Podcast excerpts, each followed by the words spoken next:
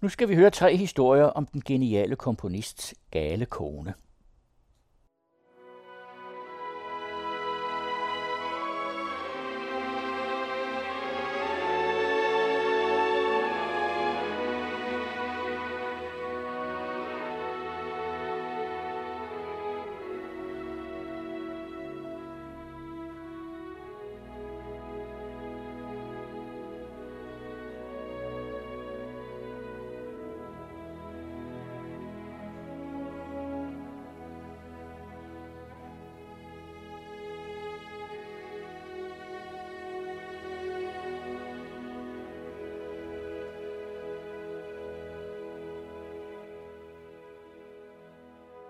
Richard Strauss var en af musikhistoriens helt store komponister og dertil også en meget berømt dirigent. Han blev 85 år og levede fra 1864 i Tyskland i det tyske kejserrige hen over 1. verdenskrig, mellemkrigstiden og 2. verdenskrig, til han døde i 1949. I de 75 af de 85 år komponerede han også lige til det sidste, og i 55 af de 85 år var han gift med Pauline. Hvordan det kunne holde, er en gåde. Gustav Mahler var en fuldstændig jævnaldrende, lige så stor komponist og dirigent. Han blev kun 50 og døde allerede i 1911. Han var gift med den 19 år yngre Alma, som ustandsligt bedrog ham. De to par var en slags venner i de første år, sås i hvert fald til selskaber, og de utrolige historier om den lange, magre, umiddelbart flematiske Richard Strauss, med den fantastiske musik, voldsom og vild og smuk, nyskabende og genial, og hans afsindige kone, har vi fra François Girauds bog om Alma Mahler.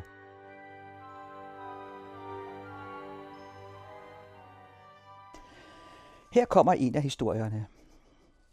Efter indbydelse fra Gustav Mahler er Richard Strauss kommet til Hofoper i Wien for at dirigere sin anden opera, Føjers Not. Det var i 1902, og ægteparret havde været gift i otte år. Strauss er Mahlers store samtidige inden for musikken – han er også antimaler par excellence. En godmodig og glad sjæl, høj og lyshåret, som vandrer gennem livet på en sti af roser. I Tyskland, hvor man har fætteret og beundret ham siden han var 12 år, har man kaldt ham Richard den anden, for den 51 år ældre Richard Wagner var den første. Strauss har som dirigent modtaget alle tænkelige æresbevisninger, og han er ydermere særdeles interesseret i penge. Da han er langt mindre krævende end Mahler, hvis uhyggelige nervøsitet altid overrasker ham, er han altid overvældet af vinerfilharmonikernes blændende kvalitet, måske det bedste i Europa. Han er fuldt ud tilfreds med opførelser, han har dirigeret, men der er en frustraus. Pauline de Arna, som er sangerinde og en slags ildsprudende tigerinde, hvis uforudsigelige eksplosioner har gjort hende berygtet. På Feuersnots premiereaften sidder hun i direktørlogen ved siden af Alma Mahler. Hun væser. Sikke noget møg. Det kan man da umuligt synes om. Mahler må have taget fejl.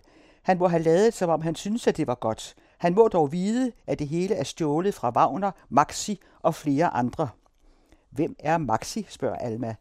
En komponist, der er højt hævet over Strauss, svarer Pauline Max von Schillings. Strauss hilses med 10 fremkaldelser og enkelte pift. Alle mødes i kulisserne, hvor Strauss spørger sin hustru, hvad hun synes om forestillingen. Hun falder over ham som en vildkat og brøler. En fame tyveknægt, hvor våger du at vise dig for mine øjne? Jeg vemmes ved dig. Maler føler sig ille berørt og får gennet her og fru Strauss ind i et prøvelokale. Selv venter han bag døren på, at skænderiet skal blive overstået, så han kan tage den med ud og spise. Der lyder stadig ophidsede stemmer, og han bliver utålmodig og meddeler, at han går i forvejen hen på restauranten sammen med Alma. Så åbnes døren brutalt. Strauss kommer til syne, mens Pauline skriger, du kan gå derhen alene, jeg går hjem i seng, og i nat vil jeg sove alene. Jeg følger dig hen til hotellet, foreslår Strauss frygtsomt. Lad gå med det, men du vil nok være så venlig at gå ti skridt bag mig, forkynder Pauline. Så det gør han.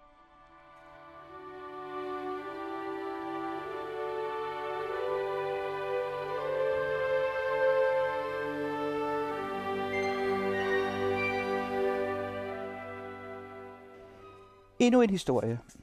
Herr og fru Strauss kommer til middag hos Marlers. Strauss er ganske opslut af sine tanker om at skabe et selskab af forfattere, som han gerne vil have Marler med i. Efterhånden som aftenen skrider frem, bliver Pauline, som hun har for vane, ganske utålelig.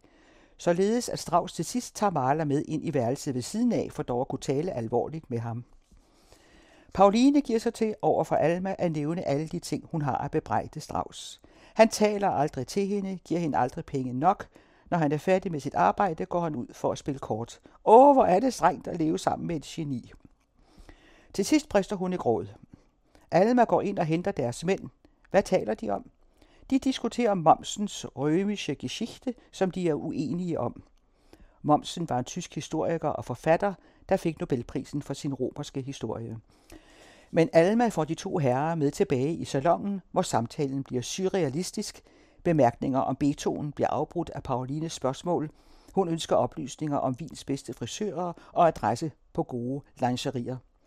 Utrolig er hun, samme Pauline.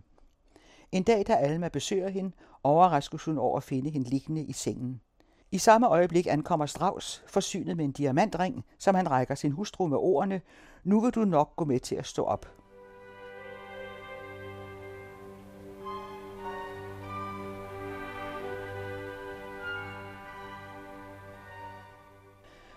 Og her er en tredje.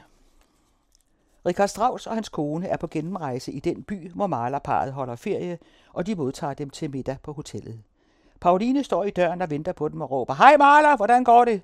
Hvordan var der i Amerika? Formentlig afskyeligt. De har forhåbentlig fået godt med penge i kassen. Pauline er stadig mageløs. Strauss anbringer Maler ved siden af Pauline, men hun protesterer. Det er i hvert fald på betingelse af, at de ikke giver den til at spjætte med benene, for det kan jeg altså ikke tage. Strauss er forfærdelig, siger hun. Men det er den samme forfærdelige Strauss, som den sommer 1910 arbejder på Rosenkavaleren til Hugo von Hofmannsthals tekst Skabelsens mysterier er uudgrundelige.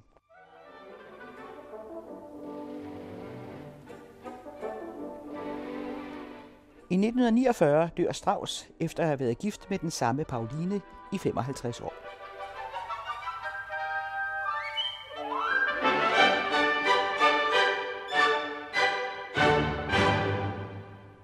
Det var Kirsten Røn, der fortalte